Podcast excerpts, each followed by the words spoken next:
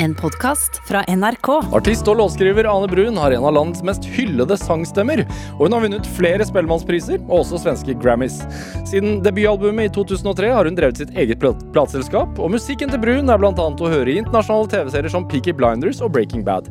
I fjor slapp hun sitt åttende og niende album, som hun nå skal ta med ut på scener over hele Europa.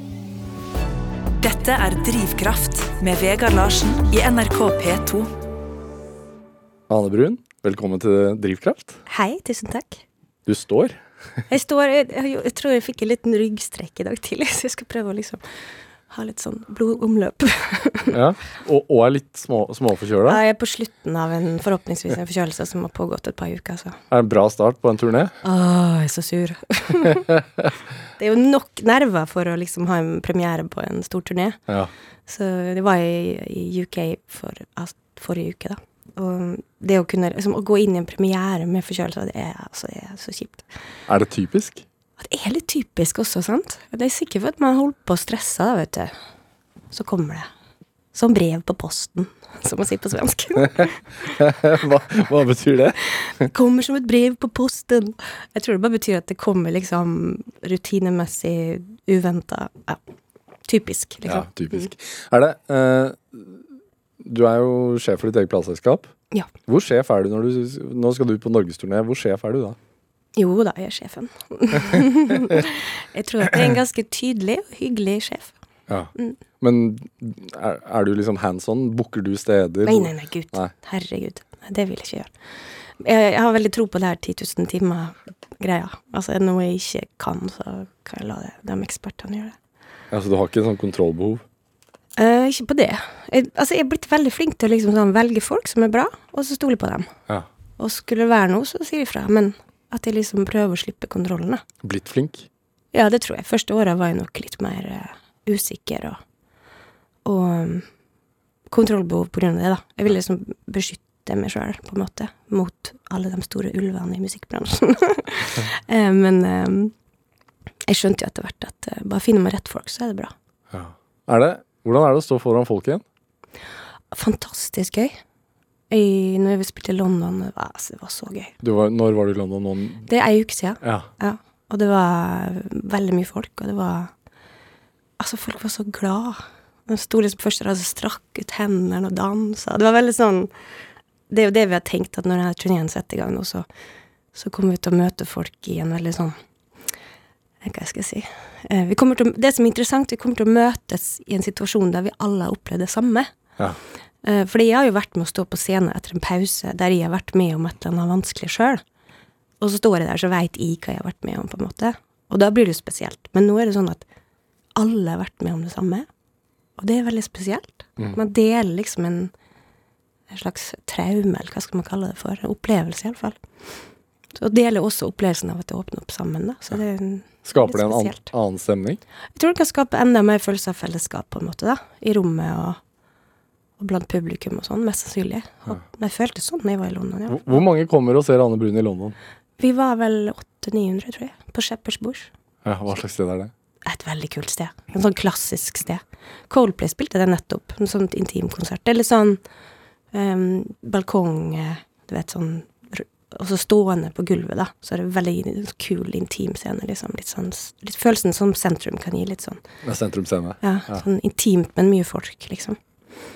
Du, Veldig gøy. spiller du eh, et annerledes sett når du spiller der enn når du er i Norge?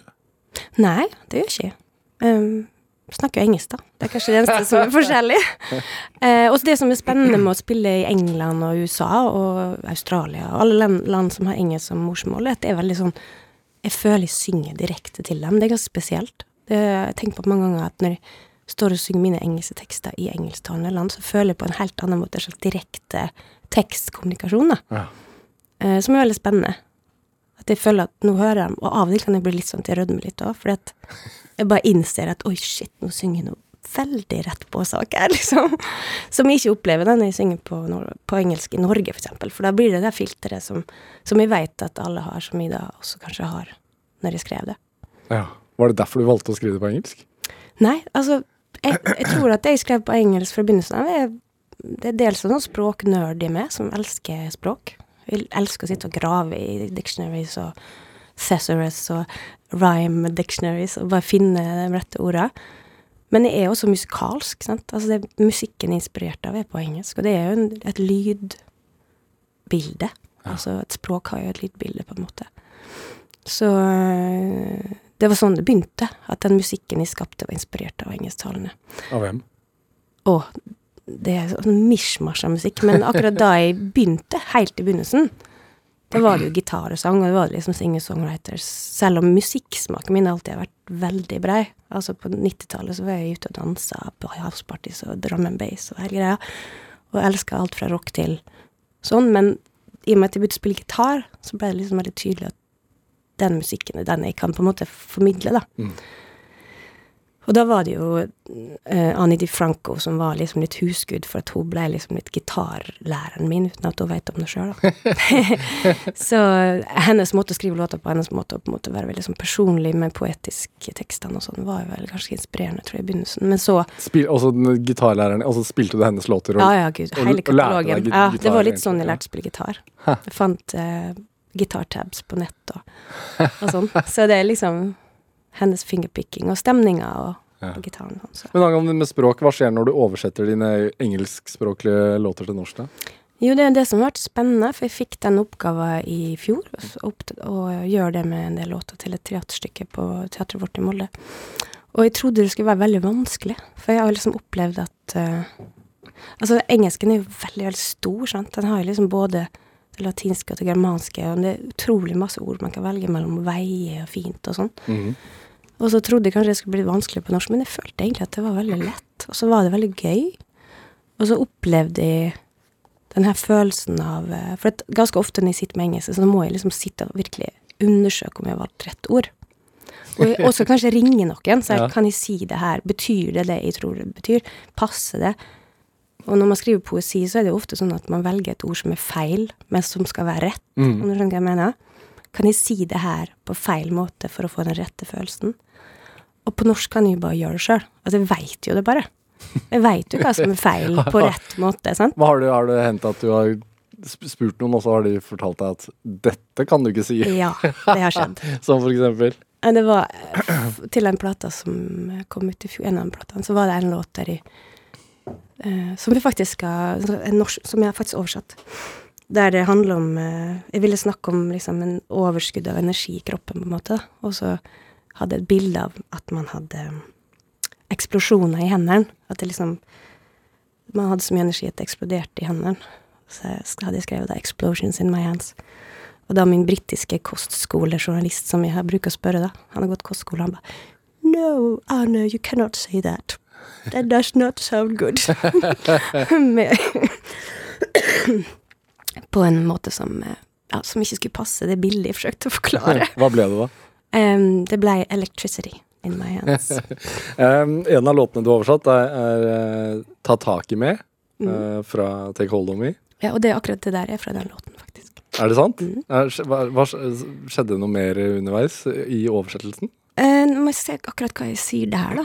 Det husker ikke i hodet akkurat nå. Men får Mm. låten, altså blir det en ny låt for deg, liksom? Både og. Visse ble helt eh, Fikk en helt ny verdi, nesten, når den kom på norsk. Eh, Den her eh, handler veldig mye om det samme som den engelske. Da. Det, kanskje de, eng, de litt eldre låtene kunne jeg liksom litt oppdatere, på en måte, nesten. Mm. Og få dem enda tydeligere, eller bruke bilder som kanskje var enda mer oppdatert i forhold til hvordan jeg er i dag, da. Så det var litt spennende. Eh, og andre ble faktisk enda bedre på norsk. Og visse fikk ikke til.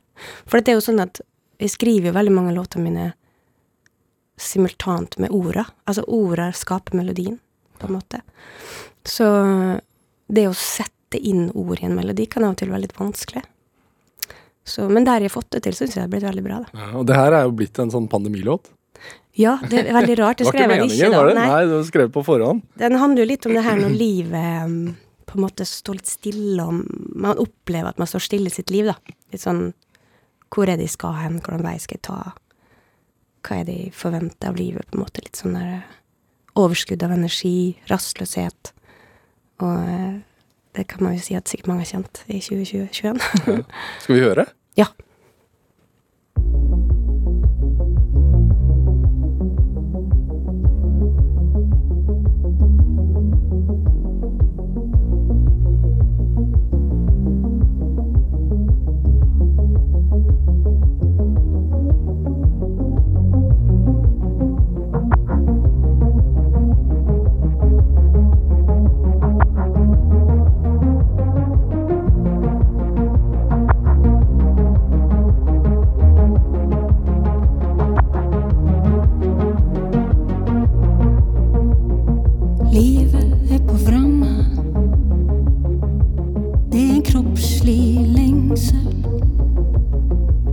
Igor Kripov en dans lyser. Ett hjärte som bränner omständigheten styrer. Sätt mig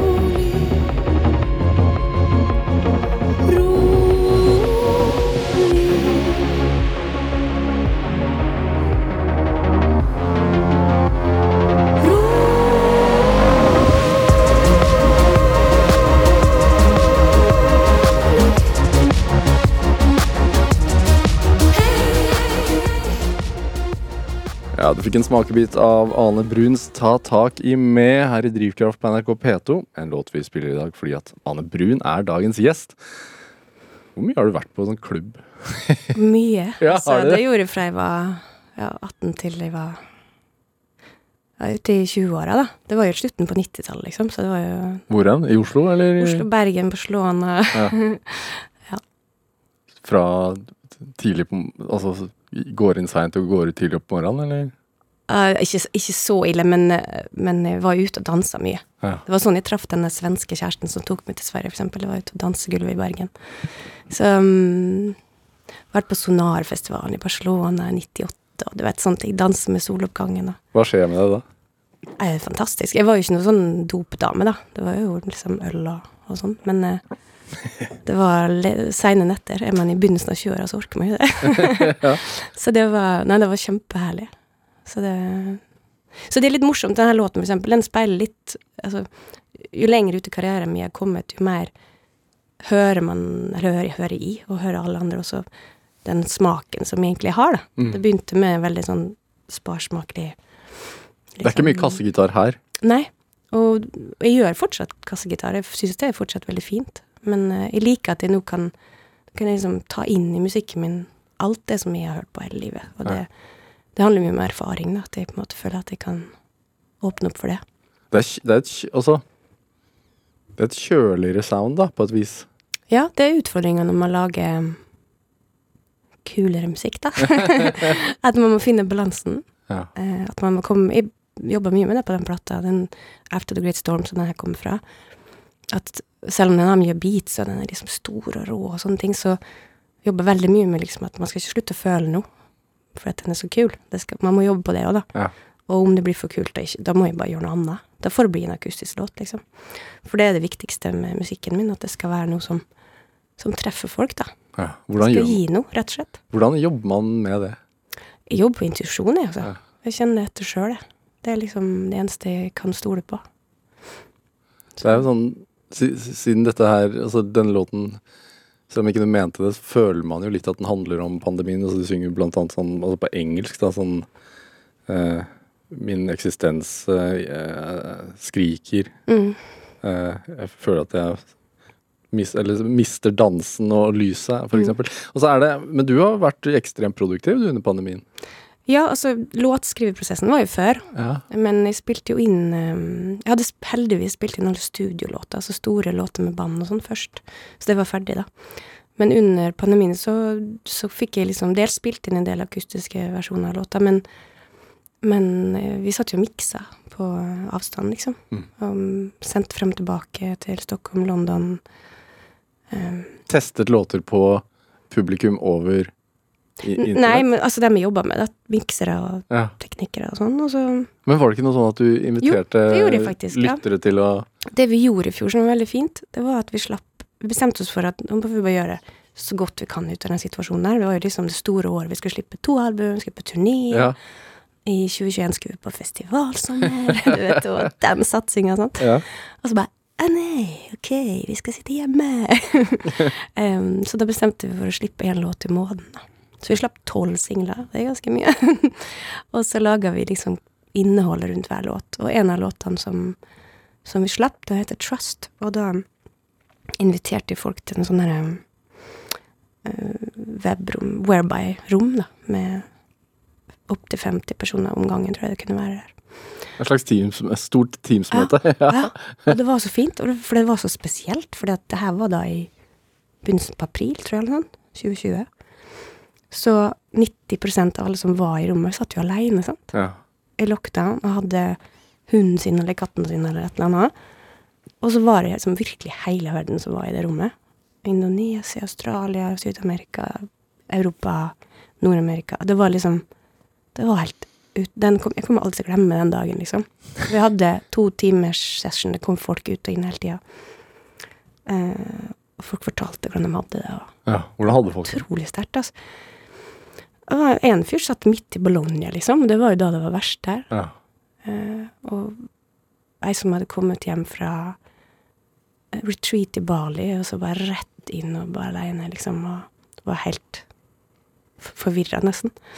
Så, uh, og det, var, det som var så fint, det var at det skapte en slags kjærlighet, uh, varme, altså, samhold som var helt magisk. Og så filma jeg hele sesjonen, så det fins en musikkvideo for den låten der man kan se liksom skjermen. Og det, Mhm. det er faktisk helt magisk å se på. Det er så fint. Det er så åpne ansikter som alle bare sitter liksom Det var som et pustehull, tror jeg, for mange, da.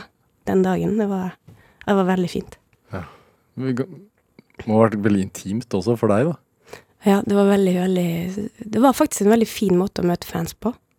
Uh, mye enklere enn å møte fans live, da. For at det blir Det ble mye mer personlig. For når man møter masse folk som liker det du gjør i et rom, så, så blir det liksom litt unaturlig fokus på meg, på en måte. Det blir ikke noe sånn lett å kommunisere. Uh, jeg kan synes den rollen er litt rar, da. Ja. At man skal være et eller annet som folk vil møte, og så skal man liksom stå der. Ja, hvordan er det? Nei, jeg synes det er en ganske sånn unaturlig sosial situasjon. Ja. Eh, oftest veldig hyggelige. Folk er jo veldig hyggelige. Uh, men jeg foretrekker jo normale sosiale situasjoner. men men eh, altså, når folk kommer bort til meg, det er liksom Og de føler de er kjenner deg, selvfølgelig. Altså. Ja, de, de vet jo mye mer om meg enn de vet om det. Eh, så, men eh, Det er litt det med å være singel også når man er, eh, er artist eller kjent. Den er ganske rar også. For man veit aldri om det blikket man får, er liksom flørt, eller om det er liksom at de kjenner meg igjen. Hmm. Hvordan Det er litt samme blikk, sant? Det er litt sånn nysgjerrig blikket, liksom. Så De ser på det over rommet og sånn, og så bare Hm, jeg vet ikke om det der er flørt, eller du vet, det, er veldig, det er akkurat samme blikk, sant? Man bare hm, Satser på at det ikke er det. så har, du, har du hatt perioder du har vært singel, har du hatt noe sånn kontroll kontrollspørsmål, eller sånn? Nei, jeg tror, jeg, jeg tror at det liksom etter hvert når jeg var singel sist, da, så tror jeg at jeg på en måte tok Jeg bestemte meg for at jeg regna med at det ikke var flørt, så jeg ikke skulle drite meg ut. For jeg husker det var en gang jeg satt og trodde jeg flørta med en fyr, og så kom han bort til meg og spurte etter autografen min. Å nei. Og jeg var så, var så flau. Jeg var så flau. Jeg syntes det var så flaut. og så bare Ja, så jeg slutta med det. Ja, fordi etter det så er det liksom Da er det over. Det er, man går ikke videre da. Nei. jeg følte ikke at det var naturlig. Er det Er du introvert, eller? Jeg er en veldig ekstrovert person, tror jeg. Ja. Har alltid vært det. Men jeg har faktisk begynt å sette pris på å være alene. Ja hvordan var det? Ja, måtte, du måtte jo. Ja, men jeg, jeg lærte meg faktisk det for noen år siden. Fordi at jeg, jeg var ja, jeg, var jeg har vært singel i perioder, liksom. Flere perioder. Jeg har bodd i Sverige, sant. og har ikke hatt familien min i samme land. Og vært veldig, veldig mye nære venner. Men når man blir litt eldre, da, eller jeg ble litt eldre, begynte nærmere med 40 og pass, passert 40 og sånn, så, så er det jo sånn at vennskapskretsen begynner å få et veldig sånn rutineliv, og alle har sine søndagsaktiviteter. Og når man er alene og ikke har familie, så blir det lett at søndager blir litt sånn tomme, da. Og jeg, kunne, huske at jeg syntes det var litt ensomt. Jeg følte meg ganske ensom en periode. Og det var jo også fordi jeg ikke egentlig hadde lært meg å nyte av å være aleine, da. Jeg var veldig ute og gjorde ting og traff folk og sånn hele tida. Men kom til et punkt der jeg måtte virkelig lære meg å bare velge å være aleine. Tvinge seg selv Ja, til til å sånn- like det. Ja. Litt sånn velge å ikke tenke at det er liksom plan B i livet, liksom. At nå må jeg være aleine. Mer sånn i kveld skal jeg faktisk bare være hjemme aleine, skal høre på musikk, skal lage god mat. Og liksom gjøre det til greier greie som er hyggelig, da. Og det lærte jeg meg faktisk eh, da.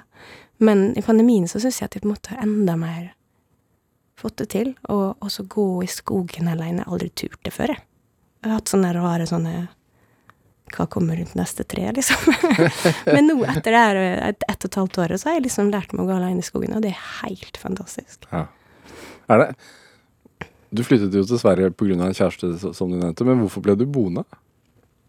Nei, livet mitt er der, liksom. Det var plateselskapet mitt, manageren min, musikere, venner. Ja. Det er jo også sånn, er man, bor man i Hva er det Stockholm har å by på, da? det meste, da. Faktisk. Det er en stor by. med veldig mye herlig. Eh, Men jeg tror faktisk for min del så var det menneskene som jeg skapte rundt meg. Altså den, den vennskapskretsen. Eh, Jeg tror det er veldig typisk om man bor i hva skal jeg kaller ikke for eksil, men når man bor utenlands eh, uten familie, så knytter man mye nærmere bånd til venner. Fordi at man skaper en slags mm, substitutt for familie, da. Så det blir jo liksom Jeg kaller det for vanilje. Vaniljen som man har med seg. Eh, familien. Vennefamilien. Så det var uh, veldig vanskelig å forestille seg å flytte derfra, rett og slett. Men har du flyttet tilbake til Jeg kommer til å flytte tilbake til Norge neste år. Oi. Har jeg bestemt meg for. Fordi jeg har truffet en norsk mann. ja. Så kjærligheten tok meg som- tilbake. grensen. tok meg tilbake. ja. Så det er fint. Og det føles veldig bra. ja. Har det noen påvirkning på musikken din, tror du? I, pff, det er vanskelig å si. Jeg tror ikke det i dag. Jeg, tror det har hatt påvirkning på musikken min at jeg flytta til Sverige. Det tror jeg. Fordi det er en veldig stor scene der, liksom. Det er en veldig sånn kraftig musikkscene der med veldig mye selvtillit og, og liksom talent og ressurser og åpne dører til utlandet og Altså det er veldig sånn Det er veldig selvfølgelighet der som, som nå finnes i Norge også, på en annen måte enn det gjorde. Jeg føler at den norske musikkbransjen og artister og sånn har liksom fått det nå, da. Men har det vært en annen utfordring, og, siden du er, er norsk? Der. Og, og, ja? Nei, ikke, vet greia er jo liksom litt, det er litt som når man skal slippe musikk i England. Du kan ikke bare slippe musikk i England og ikke være der. Sånn i Sverige også. Du kan ikke slippe musikk i Sverige og tro at det skal bare skje uten at du er der. Du må være der. For det er så stort uh, um, marked der. Altså det er så mye artister der som kjemper om oppmerksomheten.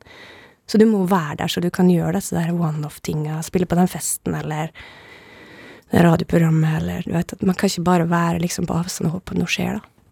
Det er forskjellen, Ja. faktisk. For det kan du her. Jeg veit faktisk ikke. Jeg har, ikke, jeg har jo faktisk ikke jobba i Norge, sant? Så jeg vet, men det er liksom litt Jeg tror at mange kanskje tror at det finnes en annen tradisjon, så Norge og Sverige Norge har en tradisjon på å følge, norsk, følge svensk musikk siden langt tilbake. Så det er en åpen dør, liksom. Mm. Den fins ikke på samme måte andre veien.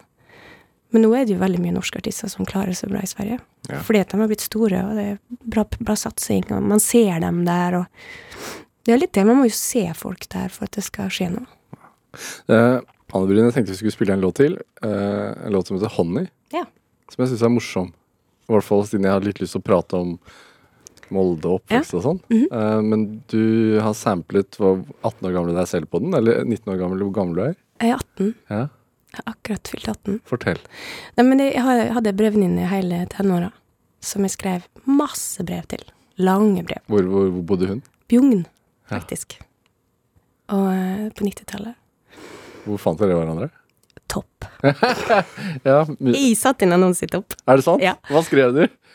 Og da tror jeg jeg var tolv, eller noe sånt. Så det var litt sånn hei, hei, jente fra Molde på bla, bla, bla. Tolv somrer. Hva det du så, altså, hvorfor gjorde du det? Hva var det du var ute Nei, det er sånn som jeg er. Strekk, strekk ut hånden og treffe folk. Det har alltid vært sånn. Ja. Sånn er jeg i dag òg. Vil liksom bli kjent med folk. Og så fikk jeg hun, og så en masse andre brevvenner, men det var liksom hun som ble, da. Stayeren.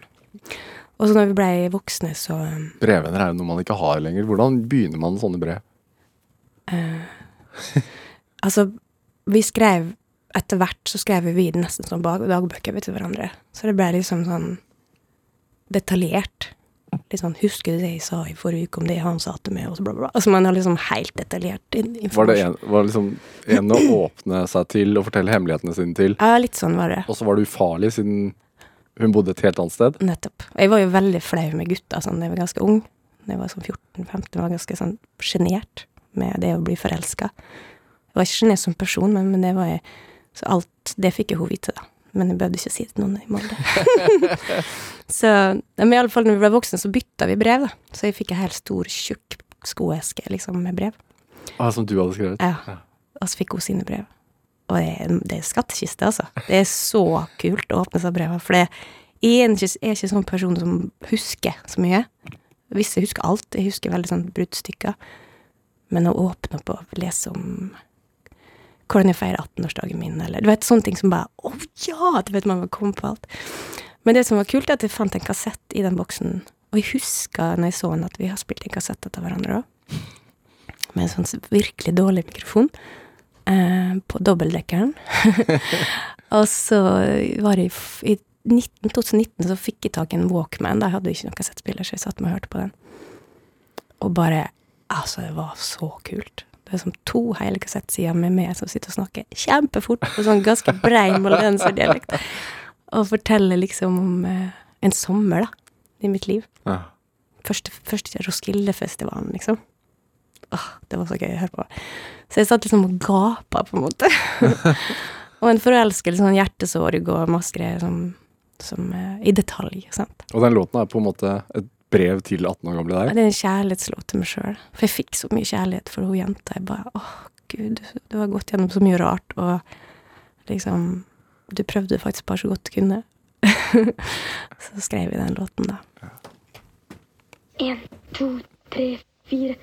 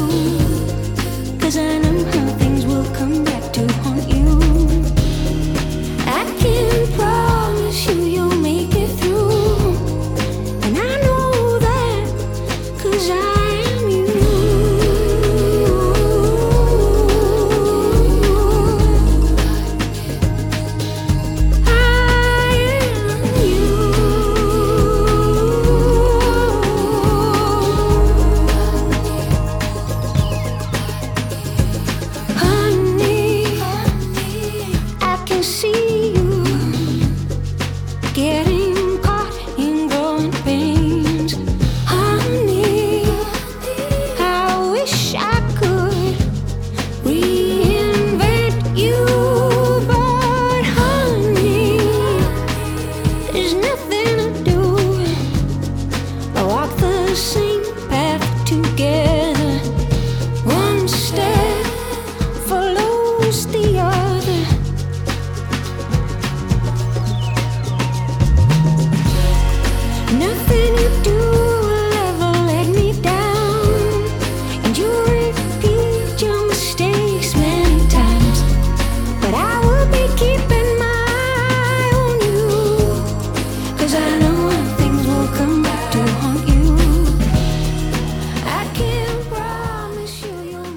fikk en smakebit av låta 'Honey' av Ane Brun her i Drivkraft på NRK P2. En låt vi spiller i dag fordi at Ane Brun er dagens gjest her i Drivkraft.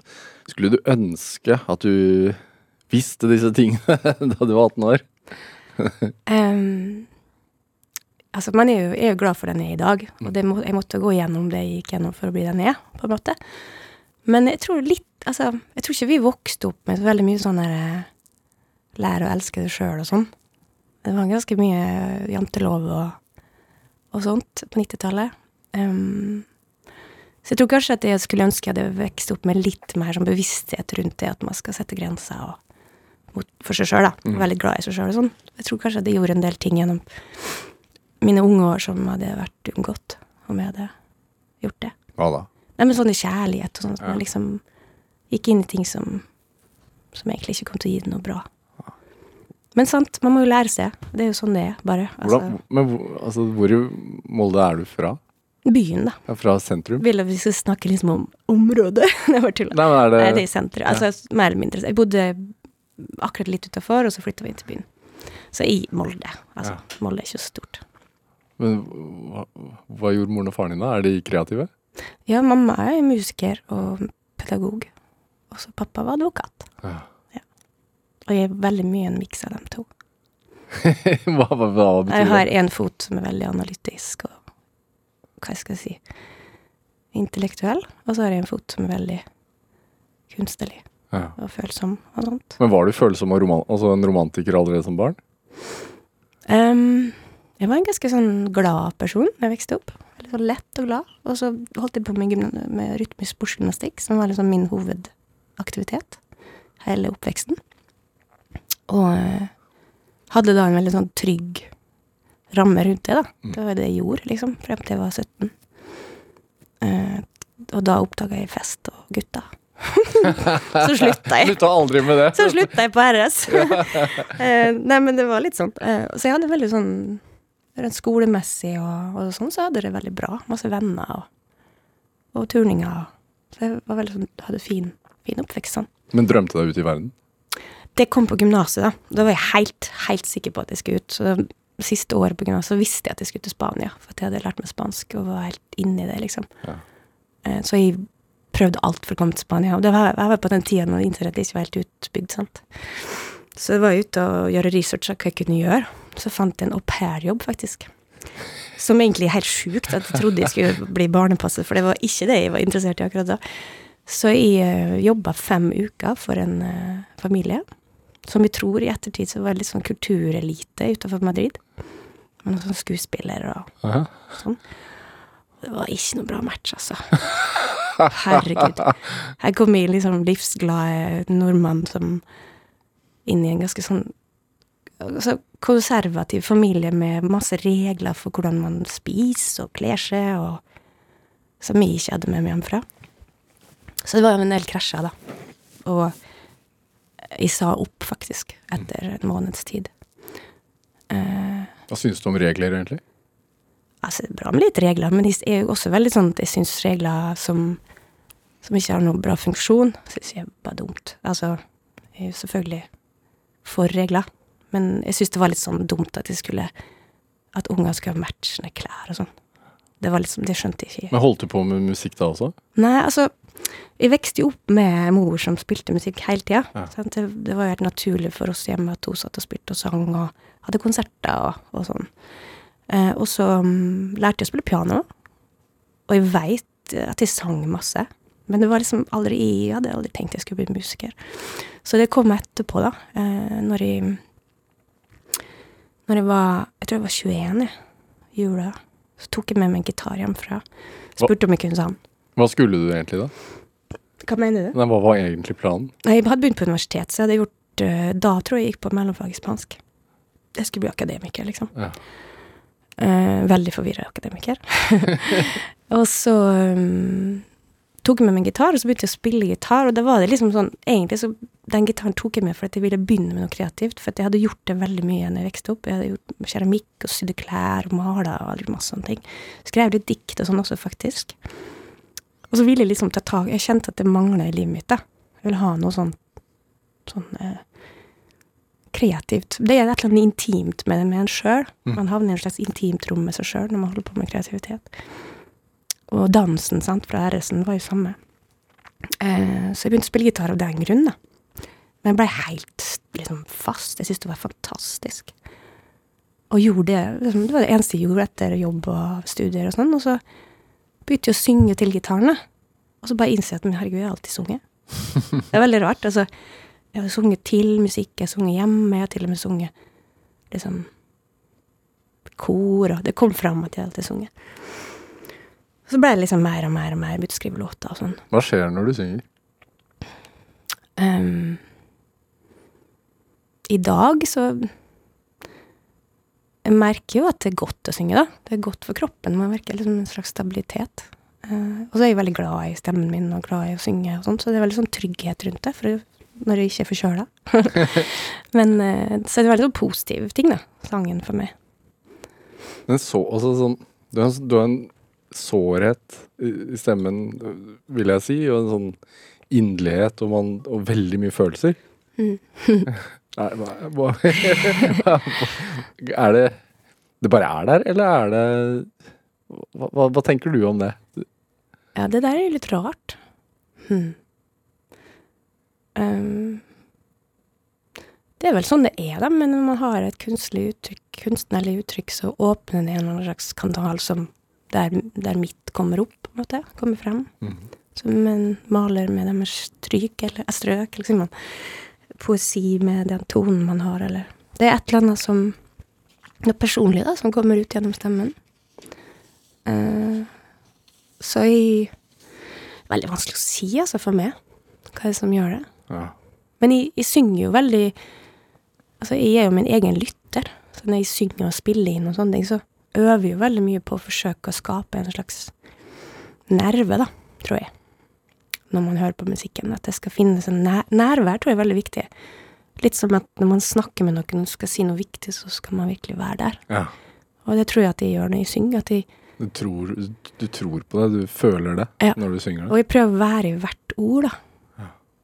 Altså når jeg synger 'Livet er på vranga', som jeg på ta taket med, så, så skal alt som det Alt som de orda der innebærer, skal føles, på en måte. Når jeg synger det. Ja. Så jeg forsøker å være i hver setning, da. Hver frase. Er det? Altså, du har 20 år som artist snart, da? Ja, 23 er vi. Ja.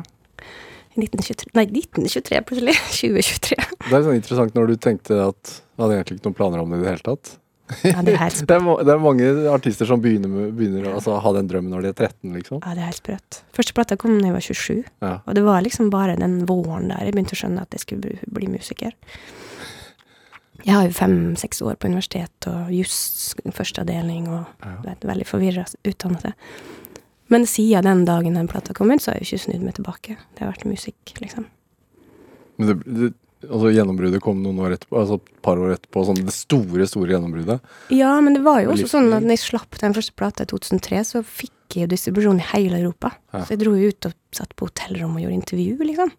Som var liksom fra ingenting til det. Og jeg visste jo ikke engang hva jeg hadde forventa meg. Så det var veldig sånn brått. Læ- Læringskurven, hvordan var det? Ja. Herregud. Ja. Og så var det jo, altså du, du rakk jo ut i verden ganske fort, og det er sånn eh, Du har samarbeid med Peter Gabriel, for eksempel, en, en, som du også skulle turnere med. Ja, det har jeg gjort. Og så, og så ble du jo syk. Ja, jeg gjorde først en lang turné med han. Ja, og så ble du syk. Hvordan var det? Ja, det er noe bottom, tror jeg, med hele karrieren min. Når jeg skulle ut på min andre eller store turné med han. Ja. i 2012. Vi skulle spille oppvarming på stadionet, liksom, og synge med han, da. Ja. I bandet hans, som jeg hadde gjort på forrige turné. Og så um, fikk jeg mitt andre store, liksom, utbrudd av lupus i 2012. Hva er lupus? Det er en autoimmun sykdom som eh, også kalles for SLE, egentlig, som legene sier, da. SLE. Um, og den autoimmun på den måten som autoimmun funker. an kroppen angriper seg sjøl, da. Og det er veldig forskjellig hva slags pasientbilde man har. Mm. Veldig individuelt. Visse, visse får liksom veldig alvorlig indre liksom organ som blir angrepet og sånne ting. Eh, og det kan jo være en veldig farlig sykdom. I dag er den heldigvis ikke så farlig, for det finnes masse medisiner. Mm. Men i mitt tilfelle så var det eh, hud og blodpropprisiko og feber og smerter i ledd og Eller sånn bindevevsmerter og sånn. Som da pågikk litt sånn av og på. Jeg fikk mitt første store utbrudd da jeg var 23, 27. Det var akkurat det året jeg slapp første plate. Og så gjennom de neste ti åra så var det litt sånn av og på, men jeg ble aldri så sjuk igjen da, som da. Men så kom det en ny sånn i 2012, ti år etterpå. Og som første gangen så var det sånn seks måneder borte, liksom. På sjukehus i kanskje et par måneder. Ganske alvorlig, faktisk sjuk. Var du redd? Første gangen var jeg livredd. Altså på en måte som satt støkk i meg for neste tiåret, liksom. Jeg tror jeg fikk liksom posttraume nesten av det. Oi. For jeg fikk, jeg fikk blodpropp, jeg fikk liksom Jeg lå sjuk veldig lenge før de skjønte hva det var. Uh, følelse av ikke å ha kontroll, sant. Eh, så de året etter, det var ikke noe morsomt, altså, for da, da ville jeg liksom skape meg karriere. Og det, det var jo bra, det var fint å ha den, da, for det var jo gøy og sånn.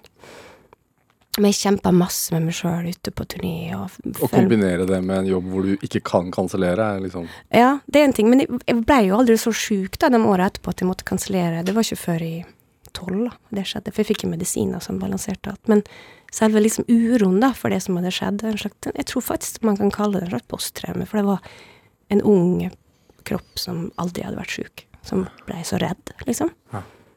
Uh, og uh, skapte masse utrygghet hos meg. Og det som skjedde i 2012, som var veldig rart, det var at de på en måte fikk en slags innsikt akkurat når ting begynte å gå til helvete. Jeg bare følte at nå blir jeg sjuk igjen, liksom. Og så bare skjønte jeg at om jeg er redd, da kommer det her til å bli jævlig vanskelig, og jeg kommer ikke til å bli frisk. Mhm. Så det var som en sånn derre knapp som jeg måtte skru av. Og nå må du bare holde det rolig, liksom. Så jeg gikk gjennom den eh, sykdomsperioden på en helt annen måte. Jeg satt liksom på en måte bare jeg hadde en bilde av at jeg satt i en bil med lukka vindu, det var helt stille i bilen, og så var det bare kaos ute. Så jeg bare liksom forsøkte å kjøre sakte gjennom kaoset. Og så når jeg kom ut av det, så Jeg tror faktisk det er et eller annet med at når man får gjort det samme en gang til, Mm. men med en annen innstilling, så er det som at det helbreder liksom den traumet, da, på en måte. Og det gjorde det, på en måte, for jeg kom ut av det med Jeg følte meg helt ny. Det var veldig rart. Jeg følte at uh, cellene mine var nye. Jeg følte at de så verden Jeg følte at Jeg husker jeg tenkte at situasjonene følte ny, føltes nye. At det, nå, nå skjer det noe som har skjedd mange ganger før, men jeg vet ikke hvordan jeg kommer til å oppleve det. Altså, det var virkelig rart. Det var som en sånn Renselse, liksom? Jeg bruker, kalle, jeg bruker snakke om sånn datasoftware-oppdateringer. og da følte jeg at det liksom, nå er det 12,0 der, altså nå begynner det å skje ting. Eh, alle sånne store utfordringer i livet bruker jeg å tulle med at det er sånne software-oppdateringer. Eh, og det var en stor en. Så um, Men ligger det og, og lurer i bakhodet, eller er er det liksom Nei, jeg syns faktisk at jeg håndterte veldig bra siden da. Siden 2013, når jeg kom ut av det og jobba mye med meg sjøl. Jeg med Lært meg sånn lightning process, som er veldig sånn mental trening i forhold til det å holde stressnivået på plass og hjelpe seg sjøl liksom, til å ha det bra og sånn. Det har hjulpet meg masse. Og så være veldig bevisst på stress, altså hva man bruker stress på. For stress er ikke bare jobb. sant? Stress, det verste stressen er jo liksom det emosjonelle. For meg, iallfall. Hvordan unngår man stress, da? Man må være bevisst på hvilke prioriteringer man gjør, rett og slett. Uh, bare Når man er stressa fra før, så begynner man å bry seg om veldig, veldig små ting. Bare, ok, Det er faktisk ikke så viktig hvordan farge det er på de gardinene, liksom. Altså, man liksom må på en måte bare se det. Ja. Nei, men iallfall, så de siste åra så har jeg hatt det bra. Jeg har vært frisk. Jeg tar medisin, men jeg har vært liksom symptomfri, og den er ikke aktiv, liksom, siden sju år tilbake, kanskje. Så jeg er friskere enn noensinne. Jeg føler meg veldig sterk. og Du har, du har skrevet musikk om sykdommen, da? ja. Om både sykdommen og også liksom det å komme ut av det, og, Ja. og redsel rundt det. Masse følelser rundt det. Er det Hvorfor det? Det er litt sånn i skrivemusikk, jeg plasserer følelser. Det er veldig, veldig bra måte. Det er sikkert sånn mange kunstnere gjør med sitt. Men eh, om det er noe som pågår i meg, tenker på noe, lurer på noe, vet ikke helt hva jeg skal gjøre av følelsene, så plasserer jeg det i en låt. Og da er det som at jeg har plassert det nesten utafor meg sjøl. Så jeg har liksom konkludert. Mm. Og det er veldig deilig. Det er litt sånn terapi i det. Skal vi høre litt på These Days? Ja, Ja. det kan vi gjøre.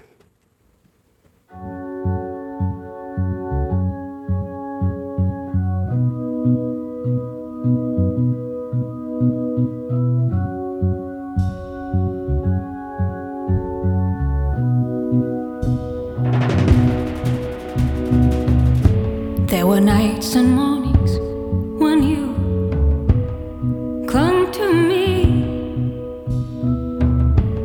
Your way into my bones, my joints, and into my veins. Like an animal, you coiled your darkness around me. You spelled your name in charcoal all over my body. But these days, I just walk with you.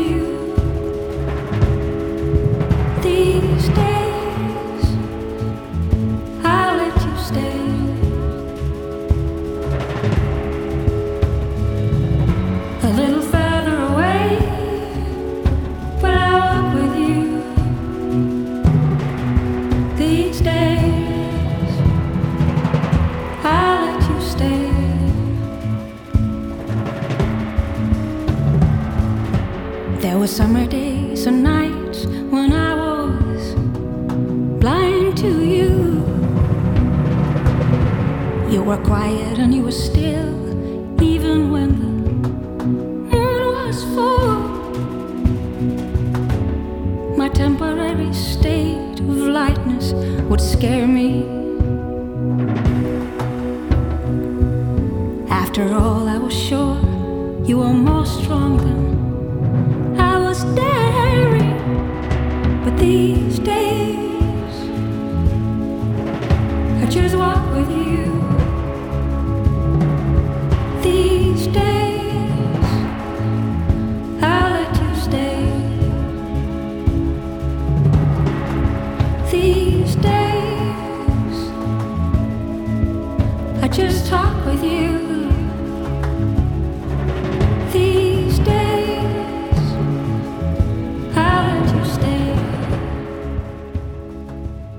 Fikk en smakebit av These Days av Ane Brun her i Drivkraft på NRK P2. En eh, låt vi spiller i dag fordi at Ane Brun er dagens gjest her i Drivkraft. Hva tenker du er drivkraften din? Jeg tror i bunn og grunn at det er nysgjerrighet, faktisk. Hva betyr det? Nei, for jeg er en veldig nysgjerrig person også. Ja. Eh, men jeg tror det å holde på med Jeg føler på en måte jeg holder på med kunst, da, Ja, for du det handler jo langt, Du satt langt inne for deg å si det. Nei, men jeg, jeg syns det, for Ja. jeg vil bare at folk skal skjønne at, at Forklare hvorfor de kjenner sånn, da. For jeg, jeg tror at kunst Jeg har opplevd å forsøke å skrive musikk når jeg ikke er åpen i meg sjøl. Når jeg er avstengt, eksempel. Jeg kjenner at jeg ikke har kontakt med meg sjøl. Mm. Eller tør ikke ta kontakt, for det er så mye skit som skjer som, som jeg ikke har lyst til å føle på. Og da kommer det ingenting bra. Det er veldig rart. Det er som at det er en sånn stopp. Da kommer det bare så intellektuelle liksom, ord. Det er veldig merkelig. Og så når jeg da åpner opp, så kommer liksom det her connection som gjør at det blir bra, da. Og det tror jeg handler om at vi Da blir det universelt. Da er det noe som alle mennesker kan kjenne seg igjen, for at det kommer fra menneskelige liksom, følelseslivet. Men det nysgjerrigheten handler om da, det er jo liksom at når jeg går inn i låtskrivinga, så veit jeg jo egentlig ikke hva som skal komme ut. Og det syns jeg er så spennende når jeg setter meg og improviserer og har noen ord, kanskje, som jeg Eller jeg har en idé om hva jeg vil si, eller hva jeg vil gi, faktisk. Eneste året så jeg tenkt mye sånn hva jeg har lyst til å gi denne låten her. Så sitter vi og improviserer og har på en, setter på rec og liksom bare sitter og er helt fri og bare forsøker å se hva som kommer ut. Og jeg syns det er fascinerende, og av og til når jeg hører på låta mi, tenker jeg hva jeg skrev det der? ja, men det er så fascinerende. Det kan komme liksom til meg som en sånn Og til og med at jeg har skrevet låter av og til som jeg liksom Men hadde jeg skjønt det der allerede da? Som denne låten som vi hørte på nå? Det at jeg skriver at nå er jeg ok med det. Ja. Det her skrev jeg jo før jeg følte det. Så det var en slags sånn derre Det her vil jeg føle, kanskje. Så jeg er nysgjerrig på hva jeg har i meg som vil komme ut, da. Og nysgjerrighet på hva slags musikk jeg kan skape for hver plate. Liksom Nå vil jeg skape noe annet. Det er sånn jeg holder til. Helt, når jeg lager en ny plate, så vil jeg liksom gå til noe annet sted. Jeg, vil, jeg tar alltid utgangspunkt i min egen musikk, da. Mm. Nå skal jeg videre. Så hvor kan jeg gå fra min egen musikk? Er, er, er musikken din blitt altså, Vi snakket så vidt om at du drev og skrev brev, men altså brevvekslet, Mm. og at det nærmest var en dagbok for deg. Er musikken en slags dagbok? På en måte, men samtidig så er det jo veldig tolka, da. Altså Jeg fant et, faktisk et, et dikt som jeg skrev på ungdomsskolen i en slags stil. Det er veldig interessant. Og jeg husker jeg skrev det diktet, og så fikk jeg bare sånn Læreren bare jeg, 'Jeg skjønner ingenting av det her'. Så viste pappa, han syntes det var så fint. Så jeg husker at han viste det til en kompis som var poet, som syntes det var så fint. Og jeg husker det veldig godt, jeg var sikkert 13-14 år. Og når jeg ser det diktet i dag, så ser jeg at jeg skriver akkurat på samme måte. Det er liksom en måte å skrive Jeg på en måte forsøker å forklare en Gjerne bare et øyeblikk. Hva handla dik- diktet om? Jeg tror det handler om liksom eh, uro, eller noe sånt. Det var noe med et bilde som falt ned fra veggen, og det var noe sånt der. Men liksom at de forsøker å forklare en, en følelse eller et øyeblikk med bilder, da. Og jeg tror at det gjør at folk kan legge mye av sitt eget i det. Jeg kan godt elske låter som er sånn direkte sånn Jeg traff han der, han sa det, og vi gjorde sånn. Men jeg følte det. Det kan være helt topp, men det er ikke sånn at jeg kan høre på den låten tusen ganger og få masse ut av det. Det er en historie, liksom. Men når jeg kan skrive en åpen låt, da, der, jeg kan, jeg kan føle at folk kan legge sitt eget i det, Mm. det er liksom litt målet, da. Det er jo altså En artist med altså, din standing, for å si det sånn, er jo altså, det, det er ikke så vanlig at man driver coverer masse låter, men du gjør det stadig vekk. Ja. Er det, er det litt på samme måte? Altså Sånn som når du coverer Halo, for eksempel, av, Beyoncé, så, så ser du den på din måte. Er det liksom derfor du gjør det? Det er litt nysgjerrighet der også. Ja. Hva kan jeg gjøre med denne låten som har det her fantastiske kjernen, som jeg syns er fin? Ja. Den her fantastiske melodien, kan den komme frem på en annen måte? Kan jeg fortelle dem orda her på en helt annen måte? Kan jeg hviske dem i øret på folk? Liksom når hun Beyoncé synger det så fantastisk stort, så kan jeg kanskje gå an og hviske denne historien her. Har det noe med også måten du lærte å spille gitar på? Altså at du har det sånn Kanskje. Men det er en slags kreativitet i seg sjøl. Det å gjøre covers. For jeg gjør jo dem aldri likt originalen. Det er ikke interessant, for det er ikke noe vits. Jeg føler at den låten fins jo. Så må jo skape noe nytt av det. Det med å være sånn åpen mot seg selv. At du må det for å kunne skape god musikk. Må man det på scenen nå? Eller må du det på scenen nå? Nei, jeg tror faktisk at jeg har blitt en skuespiller. Ja, det er faktisk kult. Ja. For at det, det oppdaga jeg etter noen år. Så tenkte jeg, hva er det som gjør at jeg kan stå på scenen og levere følelser så folk står og gråter, og så kan jeg gå av scenen og spise pizza og flire? Hva er det, liksom? Ja, hvem er du? Hva er det for noe? Ja. Men jeg tror faktisk at jeg gjør Jeg har lært meg skuespillerteknikken. Jeg går ut, jeg formidler følelser. Rett og slett, rett og slett formidler det i øyeblikket. Ja. I låten. Jeg er jo, som jeg sa tidligere, at jeg er jo i hvert ord hele tida. Jeg forsøker å fylle hvert ord med de følelsene de skal ha. Men jeg står jo ikke og er i situasjonen som jeg var i når jeg skrev den. Eller leve meg inn i Halo som noen Altså, jeg er i den følelsen som den låten skal levere, da. Mm. Og så kan jeg knipse, så kan jeg stå og snakke tull. Og det tror jeg det skuespillere gjør. Jeg har aldri gått skuespillerskolen, men jeg føler at Jeg tror det er det jeg gjør, da. Ja. Det min, jeg kan tenke meg at de går ut, og så gjør de liksom fryktelige roller. Tunge greier. Gråter og holder på. Går jeg sånn og ringer kona og bare 'Skal vi spise pizza i kveld?' Anne Brun, det var siste ordet i dag, faktisk. Tusen takk for at du kom hit til Det var hyggelig. Hør eh, flere samtaler i Drivkraft eh, på nrk.no, i NRK-appen, eller last oss ned som podkast. Send oss gjerne ris og ros og tips til mennesker som du mener har drivkraft. Send den e-posten til drivkraft, krøllalfa, nrk.no. Vi hører gjerne fra deg. Produsent og researcher i dag var Tobias Brynildsbakken Huse. Anne Sofie Stang bidro også sterkt til denne sendingen. Jeg heter Vega Larsen. Vi høres. Du har hørt en podkast fra NRK. Hør flere podkaster og din NRK-kanal i appen NRK Radio.